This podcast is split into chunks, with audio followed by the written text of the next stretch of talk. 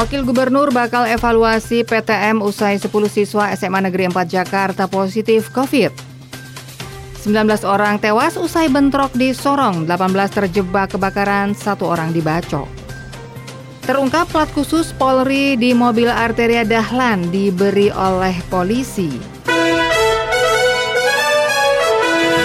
Dari kawasan Jalan Jagalan 36 Yogyakarta, segera Anda ikuti Detak deretan Warta Aktual Reco Buntung 99,4 FM. Selamat petang pemirsa, itulah tadi beberapa informasi yang dapat Anda ikuti dalam program Detak Deretan Warta Aktual Reco Buntung. Edisi hari ini Selasa 25 Januari 2022. Saya Asik Dewi, segera kita menuju informasi pertama. Detak, deretan Warta Aktual Reco Buntung. Dari CNN Indonesia, Wakil Gubernur DKI Jakarta Ahmad Riza Patria menyatakan pihaknya bakal mengevaluasi pembelajaran tatap muka atau PTM 100% imbas temuan 10 siswa SMA Negeri 4 Jakarta positif virus corona. Riza mengatakan temuan 10 siswa positif COVID di SMA Negeri 4 ini merupakan temuan terbanyak. Ia meminta jajarannya mengecek lebih lanjut apakah penularan terjadi di sekolah atau tidak. Riza memastikan temuan 10 siswa positif di SMA Negeri 4 Jakarta menjadi perhatian dan bahan evaluasi. Pasalnya sampai dengan saat ini kasus COVID sudah ditemukan di 43 sekolah di Jakarta. Sebelumnya SMA Negeri 4 Jakarta memperpanjang pemberhentian sementara PTM setelah siswa yang terpapar COVID-19 jumlahnya bertambah. Kepala SMA Negeri 4 Jakarta Herianto mengatakan saat ini jumlah siswa yang terpapar COVID mencapai 10 siswa dan sedang menjalani isolasi mandiri di rumah. Awalnya positif COVID adalah satu orang siswa, kemudian setelah dilakukan tracing bertambah menjadi lima siswa. Pada tracing kedua bertambah lagi lima orang menjadi 10 siswa. Demikian Herianto seperti mengutip Antara.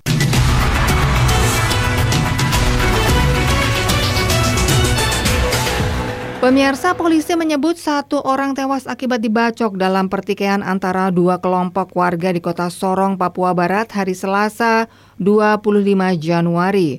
Pertikaian juga menyebabkan sebuah tempat karaoke terbakar dan menewaskan 19 orang yang terjebak di dalam bangunan. Sementara 18 orang ditemukan pemadam kebakaran di tempat karaoke dalam satu ruangan dan satu korban pembacokan meninggal. Demikian Kapolres Sorong Kota AKBP Ari Nyoto Setiawan. Ari menerangkan semula pihaknya menduga bahwa semua orang yang berada di dalam karaoke Double O tersebut sudah dievakuasi. Namun ternyata tim pemadam kebakaran masih menemukan korban meninggal dunia akibat terjebak di dalam ruangan. Ari menuturkan pertikaian itu terjadi lantaran salah paham antara dua kelompok warga asal Maluku di tempat karaoke. Menurutnya dua hari lalu sudah dilakukan upaya damai, namun tetap berlanjut hingga terjadi bentrok selasa dini hari tadi. Pertikaian itu mengakibatkan satu gedung karaoke dan dua unit mobil di sekitar tempat kejadian perkara terbakar. Korban pembacokan saat ini sudah dievakuasi ke rumah sakit. Sementara belasan korban yang meninggal dunia akibat terjebak di tempat karaoke tengah mendapatkan penanganan lebih lanjut oleh polisi. Pantauan antara sekitar pukul 7.29 waktu Indonesia Timur terlihat dua mobil jenazah disiagakan di sekitar Jalan Sungai Maruni atau lokasi tempat karaoke. Tim pemadam pun telah memadamkan api. Sementara itu puluhan aparat kepolisian masih berjaga di sekitar TKP. Arus lalu lintas pun sudah kembali normal, namun hanya dibuka satu jalur lantaran masih terdapat puing-puing kendaraan yang dibakar massa.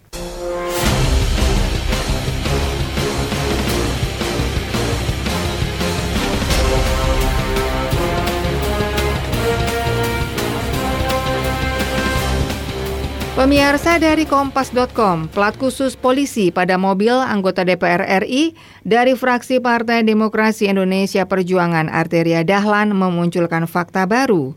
Polri mengungkapkan Arteria mendapatkan plat khusus polisi di kendaraannya karena memang diberikan sebagai bantuan untuk pengamanan. Kasus mobil arteria itu berawal ketika lima mobil anggota Komisi 2 DPR RI tersebut memakai plat khusus milik polisi saat diparkir di basement Gedung Nusantara 2, Kompleks Parlemen Senayan, Jakarta, Rabu 19 Januari lalu. Mobil-mobil Arteria Dahlan itu bermerek Mitsubishi Grandi warna hitam, Toyota Fortuner warna putih, Toyota Velfire warna hitam, Nissan X-Trail warna putih, dan Mitsubishi Pajero warna hitam. Semua plat mobil itu menggunakan plat polisi yang sama, yaitu bernomor 419607 dengan warna dasar plat berwarna hitam dan kuning, ciri khas plat mobil polisi. Di samping angka terdapat logo Polri. Di atas logo Polri ada pula logo berwarna emas lambang DPR, serta ada stiker bertuliskan www.arteriadahlancenter.com di mobil merek Toyota Velfire. Arteria yang merupakan warga sipil memiliki plat polisi dengan nomor 419607. Sementara itu, Kepala Biro Penerangan Masyarakat Divisi Humas Polri, Brigjen Ahmad Ramadan mengkonfirmasi plat ini terdaftar di bagian staf logistik Polri atas nama Arteria Dahlan. Ramadan mengatakan pihaknya memberikan plat itu untuk mobil Arteria Dahlan. Jadi Arteria tidak membuat sendiri plat mobil tersebut. Plat itu diberikan dalam rangka pengamanan dan pengawalan. Ramadan juga menambahkan Arteria didampingi anggota Polri dalam penggunaan plat tersebut. Kapolri Jenderal Polisi Listio Sigit Prabowo mengatakan Polri akan mengevaluasi pemberian plat nomor Polri kepada anggota Polri yang memiliki tugas pengawalan. Ia mengatakan memang ada aturan bahwa pejabat bisa mendapatkan pengawalan Polri. Sigit menegaskan plat nomor polisi semestinya tidak diduplikasikan. Satu plat juga hanya diperuntukkan untuk satu personil Polri. Sejumlah pihak menyorot dan mendesak Polri untuk mengusut kepemilikan plat khusus polisi oleh Arteria Dahlan. Ketua Ombudsman Republik Indonesia Muhammad Najib mengatakan ada potensi maladministrasi terkait lima mobil Arteria Dahlan yang berplat polisi sama. Pemirsa, kita hentikan sejenak detak reca buntung untuk kita ikuti kumandang adzan maghrib untuk daerah istimewa Yogyakarta dan sekitarnya.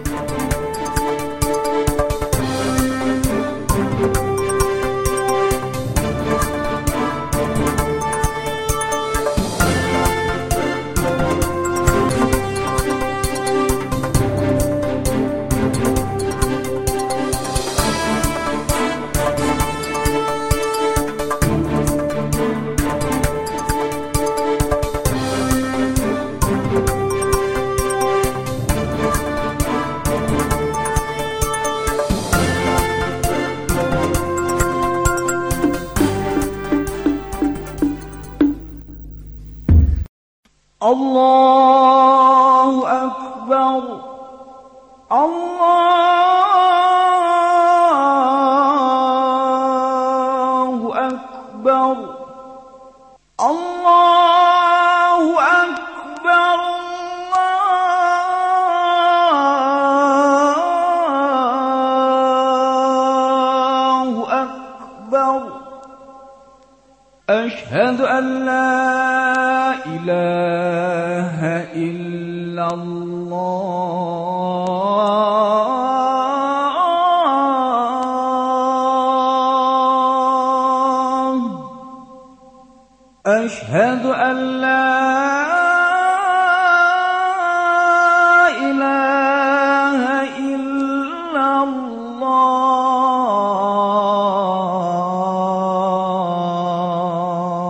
الله.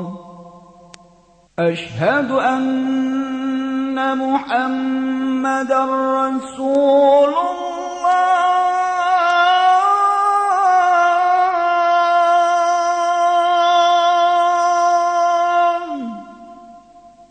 أشهد أن محمد رسول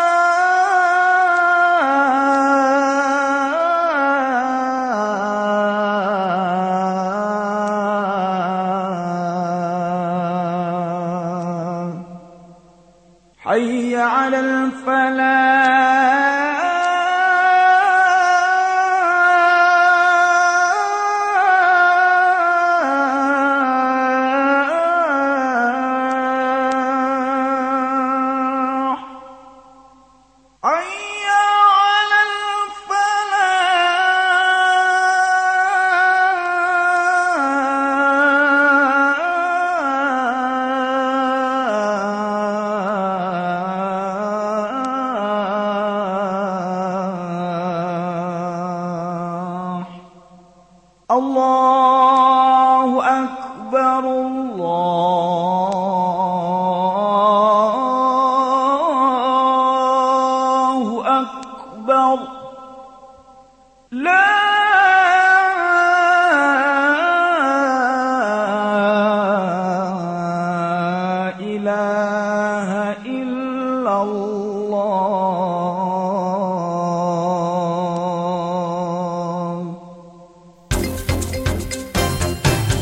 Pemirsa, kembali Anda ikuti Detak, deretan Warta Aktual Reca Buntung.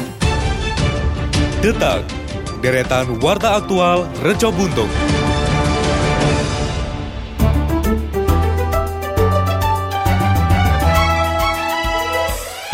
Baik pemirsa, masih Anda ikuti Detak, deretan Warta Aktual Reca Buntung bersama saya Asik Eka Dewi.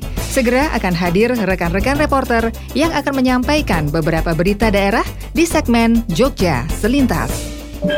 Baik, terima kasih rekan Asik Eka Dewi. Pemirsa Jogja Selintas, kami awali dari Sleman, dari tribunjogja.com. Pemerintah Kapanewon Sleman telah mendapat dropping minyak goreng murah untuk operasi pasar sebanyak 33 karton box atau kardus dengan total 396 liter. Minyak goreng tersebut rencana akan mulai didistribusikan kepada masyarakat pada Kamis 27 Januari mendatang. Dijelaskan oleh Panewo Sleman Suyanto pada Senin kemarin. Pihaknya mendistribusikan khusus untuk warga miskin. Satu liter dijual Rp14.000. Satu orang maksimal mendapatkan 2 liter sehingga total Rp28.000. Menurutnya ada sekitar 198 warga dari lima kelurahan di Kapanewon Sleman yang akan menerima bantuan subsidi program minyak goreng murah. Rinciannya Kelurahan Catur Harjo dan Triharjo masing-masing 39 orang, kemudian Tridadi, Trimulyo dan Pandowo Harjo masing-masing 40 orang. Suyanto mengaku sudah menggelar rapat bersama para lurah untuk membahas proses distribusi minyak goreng. Satu orang hanya boleh membeli maksimal 2 liter. Warga yang akan membeli minyak goreng murah bisa langsung datang ke kantor Kapanewon Sleman, namun diatur secara bertahap berdasarkan kalurahan. Ia berharap dengan program minyak goreng murah ini nantinya dapat membantu masyarakat di tengah harga minyak goreng yang saat ini masih melambung tinggi. Kita beralih ke Kulon Progo masih dari tribunjogja.com. Pemirsa Dinas Kesehatan Kabupaten Kulon Progo tengah meningkatkan deteksi dini terhadap penyakit demam berdarah di wilayahnya, khususnya di puncak musim penghujan dan adanya siklus enam tahunan yang diprediksi terjadi pada tahun ini. Kepala Bidang Pelayanan Kesehatan Dinkes Kabupaten Kulon Progo, Eko Damayanti mengatakan, deteksi dilakukan dengan tes pemeriksaan NS1 yang sudah didistribusikan ke semua fasilitas layanan kesehatan, baik puskesmas, 2 RSUD dan 7 rumah sakit swasta. Sedangkan untuk penata pelaksanaan kasus, Dinkes Kulon Progo telah memperbarui pengetahuan dokter dikarenakan gejala klinis DBD tidak spesifik. Dijelaskan oleh Eko, uji klinis untuk membedakan penyakit DBD dan COVID-19 telah dilakukan di rumah sakit pemerintah dan swasta. Mulai screening awal dengan menggunakan swab antigen bagi pasien yang akan menjalani rawat inap. Bila hasilnya positif, ia akan menjalani isolasi. Peningkatan juga dilakukan pada sistem rujukan di rumah sakit, terutama di rumah sakit swasta tipe D ke RSUD tipe C. Baik pemirsa demikian tadi informasi dari Sleman dan Kulon Progo sumber berita dari tribunjogja.com Saya Meida Mara dan kita beralih ke informasi kota Yogyakarta bersama rekan dari Pradita Silakan dari Baik, terima kasih Meida Mara. Pendengar pemerintah kota Yogyakarta bekerja sama dengan Pemda DIY dan Kementerian Perdagangan menggelar kegiatan operasi pasar. Kegiatan ditujukan sebagai upaya menekan harga minyak goreng di pasaran, terutama pasar tradisional yang masih tinggi. Operasi pasar minyak goreng digelar secara serentak di seluruh kementerian di kota Yogyakarta. Wakil Wali Kota Yogyakarta Heru Purwadi dalam penjelasannya menyatakan, Kota Yogyakarta mendapatkan jatah minyak goreng untuk operasi pasar sekitar 6.000 liter dari Pemda DIY. Pemkot Yogyakarta membayarkan dahulu alokasi minyak goreng tersebut Kemudian masyarakat akan membayar saat operasi pasar berlangsung di kementerian. Minyak goreng dalam operasi pasar tersebut dijual seharga Rp14.000 per liter sesuai kebijakan pemerintah menetapkan harga tunggal. Demikian penjelasan Wakil Wali Kota Yogyakarta Heru Purwadi saat mengikuti kegiatan operasi pasar di Kementerian Mergangsan pada Senin 24 Januari 2022. Selanjutnya, Wakil Wali Kota juga menyatakan masyarakat yang berhak membeli minyak goreng dalam operasi pasar telah melalui pendataan terlebih dahulu. Sasaran operasi pasar minyak goreng yaitu masyarakat pengguna langsung dan para pelaku usaha UMKM di kota Yogyakarta. Berikut petikan penjelasan Wakil Wali Kota Yogyakarta Heru Purwadi. Selesai ini dulu. Kan kita ada pernah ini kita lakukan terus menerus sampai selesai. Nanti kalau lihat lagi perkembangan kalau yang di pasaran sudah uh, jumlahnya berkondisi mungkin kita juga sudah mulai kurang.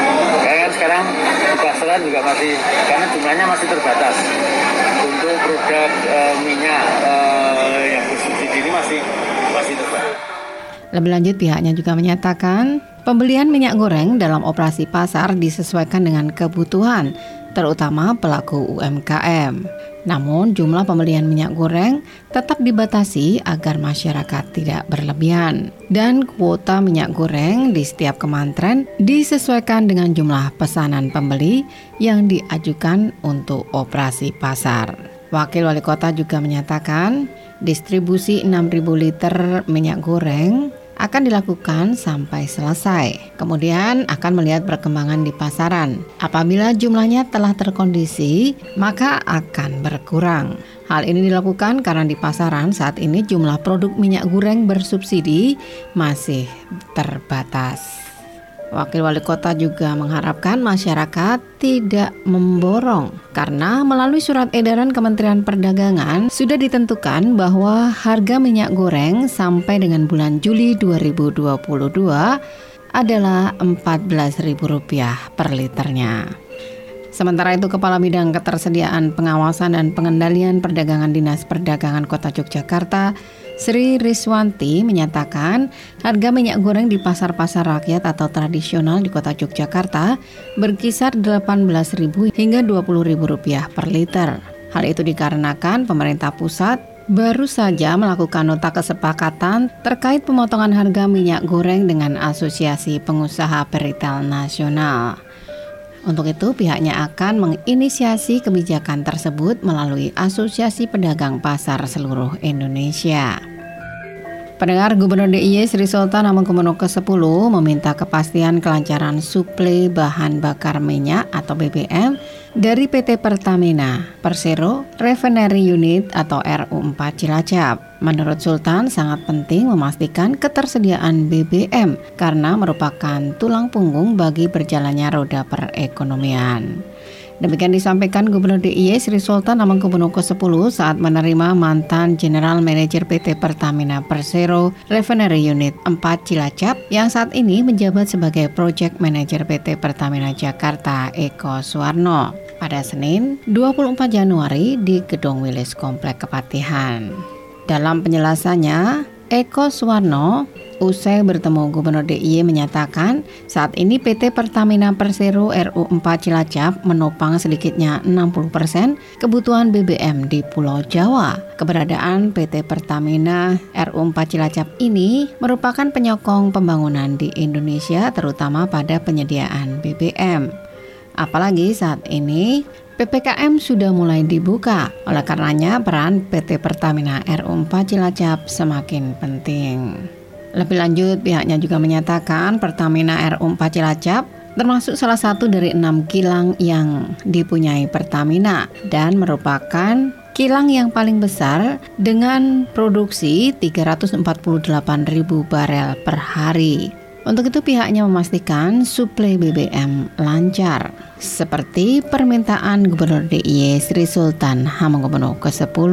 Pihaknya menegaskan sampai dengan saat ini tidak ada kendala terkait persediaan BBM. Demikian informasi dari Kota Yogyakarta, saya dari Pradita. Segera kita menuju ke rekan Widya Gita. Ya, baik terima kasih dari Pradita. Pemirsa bersama saya Widya akan saya sampaikan informasi dari Bantul dan Gunung Kidul. Pemirsa jajaran Polres Bantul menangkap sepasang suami istri yang terlibat dalam kasus pembuatan bakso berbahan dasar bangkai ayam atau ayam tiren. Berdasarkan hasil pemeriksaan petugas, kedua pelaku telah membuat bakso berbahan dasar ayam tiren sejak 2015 silam dan telah diedarkan di tiga pasar di wilayah kota Yogyakarta. Kapolres Bantul AKBP Ihsan dalam konferensi pers hari Senin kemarin mengatakan kasus tersebut terungkap setelah ada laporan dari warga masyarakat yang menemukan ayam tiren siap untuk digiling di suatu tempat penggilingan di wilayah Pleret. Pemilik penggilingan daging melaporkan bahwa ada satu di antara pelanggannya menggiling daging ayam yang tidak segar. Terkadang sudah berbau dan berwarna kebiruan. Setelah mendapatkan informasi tersebut, anggota Polres Bantul melakukan penyelidikan di lapangan dan mendapat informasi bahwa daging ayam tersebut milik sepasang suami istri, yakni berinisial MHS 51 tahun dan AHR 50 tahun warga Jetis, Bantul. Dalam melakukan penyelidikan di rumah tersangka dan ditemukan beberapa barang bukti, akhirnya berkoordinasi dengan Dinas Kesehatan dan Dinas Perdagangan Bantul untuk bersama-sama melakukan pengecekan kandungan bahan bakso. Kemudian juga menyita barang bukti yang ada di tempat tersebut yakni dua freezer. Petugas juga menemukan 18 plastik bakso dengan isi 15 bakso berukuran kecil per plastik, kemudian 9 plastik berisi 5 bakso ukuran sedang dan 3 plastik berisi 12 bakso berukuran besar per plastiknya. Dari keterangan tersangka, 1 kg ayam tiren dibeli seharga Rp7.000 hingga Rp8.000 rupiah.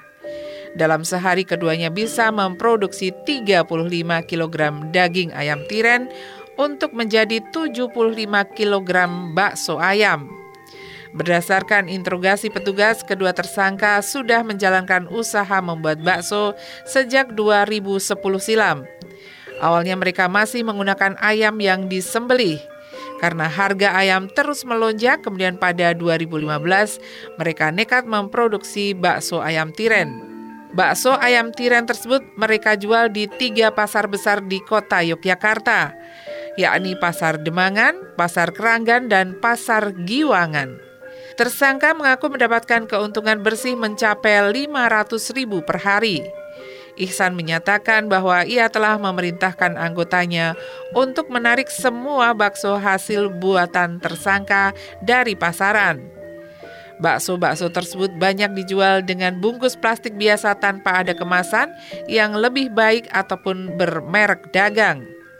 Saat ini kedua tersangka telah meringkuk di sel tahanan dan petugas menjeratnya dengan pasar berlapis, yakni 204 ayat 1 KUHP atau pasal 62 ayat 1 Undang-Undang RI nomor 8 tahun 1999 tentang perlindungan konsumen atau Undang-Undang nomor 12 tahun 2012 tentang pangan, perubahan atas Undang-Undang nomor 7 tahun 1999 96 tentang pangan. Keduanya terancam penjara 15 tahun. Selain itu, Kapolres juga menyatakan bahwa pihaknya masih melakukan pendalaman kasus untuk melacak supplier ayam tiren yang dipakai tersangka. Tidak menutup kemungkinan akan ada penambahan tersangka atas kasus tersebut. Pelaku MHS mengakui segala perbuatannya dan membenarkan telah memproduksi bakso ayam tiren tersebut sejak tujuh tahun silam. Dalam memproduksi bakso ayam tiren tersebut, pelaku juga mencampurkan pengawet berjenis benzoat dan mencampur dengan soda kue. MHS mengaku menyesal atas perbuatannya dan mengaku bersyukur karena telah ditangkap polisi. Baik pemirsa, selanjutnya kita beralih ke Gunung Kidul. Hasil panen jagung di Kabupaten Gunung Kidul tercatat mengalami peningkatan signifikan pada 2021 lalu. Dinas Pertanian dan Pangan setempat mulai melirik upaya pengembangan komoditas jagung. Sekretaris DPP Gunung Kidul Raharjo Yuwono menyampaikan bahwa hasil panen jagung di 2021 lalu mencapai lebih 131 persen dari target. Hasil panen pangan tertinggi dipegang oleh padi sebesar 301,160 ton gabah kering giling. Namun pencapaiannya hanya 102,99 persen dari target yang ditetapkan. Menurut Raharjo, minat penanaman jagung oleh warga Gunung Kidul semakin tinggi. Harga jual di tingkat petani menguntungkan sehingga mereka tertarik membudidayakan komoditas jagung. Ke depan akan diinisiasi pembenihan jagung hibrida. Selain padi dan jagung, komoditas pangan unggulan Gunung Kidul yang lainnya adalah kedelai. Namun capaian hasil panen di 2021 lalu jauh di bawah target. Berdasarkan catatan DPP Gunung Kidul, hasil panen kedelai 2021 lalu mencapai 4.394 ton wose Jumlah tersebut hanya mencapai 59 persen dari target yang ditetapkan sebelumnya. Dan minat petani dalam menanam kedelai saat ini justru berkurang. Menurutnya kurangnya minat petani menanam kedelai karena kebutuhan kedelai sendiri lebih banyak disuplai dari luar negeri atau impor. Kondisi tersebut tidak hanya terjadi di Gunung Kidul, namun juga secara nasional. Ketua DPRD Gunung Kidul Indah Subekti dalam kunjungannya beberapa waktu lalu juga berharap agar ketersediaan benih jagung bisa mencukupi kebutuhan petani. Dengan terjangkaunya lebih luas, diharapkan bisa berdampak pada kesejahteraan petani. Nah pemirsa demikian tadi informasi dari Bantul dan Gunung Kidul sumber berita tribunjogja.com. Selanjutnya kita kembali ke rekan Asik Eka Dewi untuk menyampaikan informasi yang terakhir.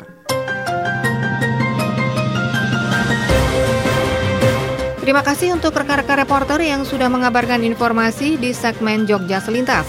Dan pemirsa, sekarang kita sampai ke informasi yang terakhir. Detak, deretan warta aktual Reco Buntung dari Tribun Jogja.com. Kalangan legislatif mengagendakan kunjungan ke lapangan untuk memantau kesiapan sekaligus kelayakan teras Malioboro yang nantinya menjadi tempat bernaung pedagang kaki lima kawasan Malioboro. Ketua Pansus Relokasi Pedagang Kaki Lima Malioboro DPRD Kota Yogyakarta, Antonius Fogi Ardianto mengungkapkan, Upaya itu harus ditempuh selepas mendengar keluhan para PKL dalam rapat dengar pendapat umum di Sekretariat Dewan Senin 24 Januari kemarin. Pansus akan memfasilitasi semaksimal mungkin agar apa yang menjadi aspirasi PKL ini dapat tersampaikan. Salah satunya yaitu dengan kunjungan lapangan. Foki memastikan dalam kegiatan tersebut Pihaknya akan mengajak serta kalangan PKL dan juga Pemkot Kota Yogyakarta. Dengan demikian, segala kekurangan di teras Malioboro mampu terakomodir secara langsung. Di samping itu pihaknya juga sudah berkirim surat kepada DPRD DIY untuk melakukan audiensi. Selaras rencana, pertemuan tersebut bakal digulirkan besok Rabu 26 Januari 2022. Status terkait risiko COVID-19 Pemerintah Republik Indonesia menetapkan empat status orang terkait risiko virus corona atau COVID-19. Yang pertama, orang dalam pemantauan atau ODP, kemudian pasien dalam pengawasan atau PDP, suspek, dan yang keempat adalah confirm positif COVID-19. Orang dalam pemantauan atau ODP adalah semua yang datang dari daerah wabah masuk ke Indonesia, data dari imigrasi, dan tidak semua ODP atau orang dalam pemantauan diterjemahkan sakit. Pasien dalam pengawasan atau PDP, yaitu ODP atau orang dalam pemantauan yang mengalami keluhan gejala influenza sedang lalu menjalani perawatan Demi meningkatkan kewaspadaan, PDP atau pasien dalam pengawasan juga diperiksa intensif. Status yang ketiga, suspek, yaitu PDP atau pasien dalam pengawasan yang telah diyakini memiliki riwayat kontak dengan orang positif COVID-19. Hasilnya setelah observasi ada dua, yaitu negatif atau positif. Status yang keempat adalah confirm positive COVID-19, yaitu suspek yang telah dinyatakan terinfeksi virus corona atau COVID-19.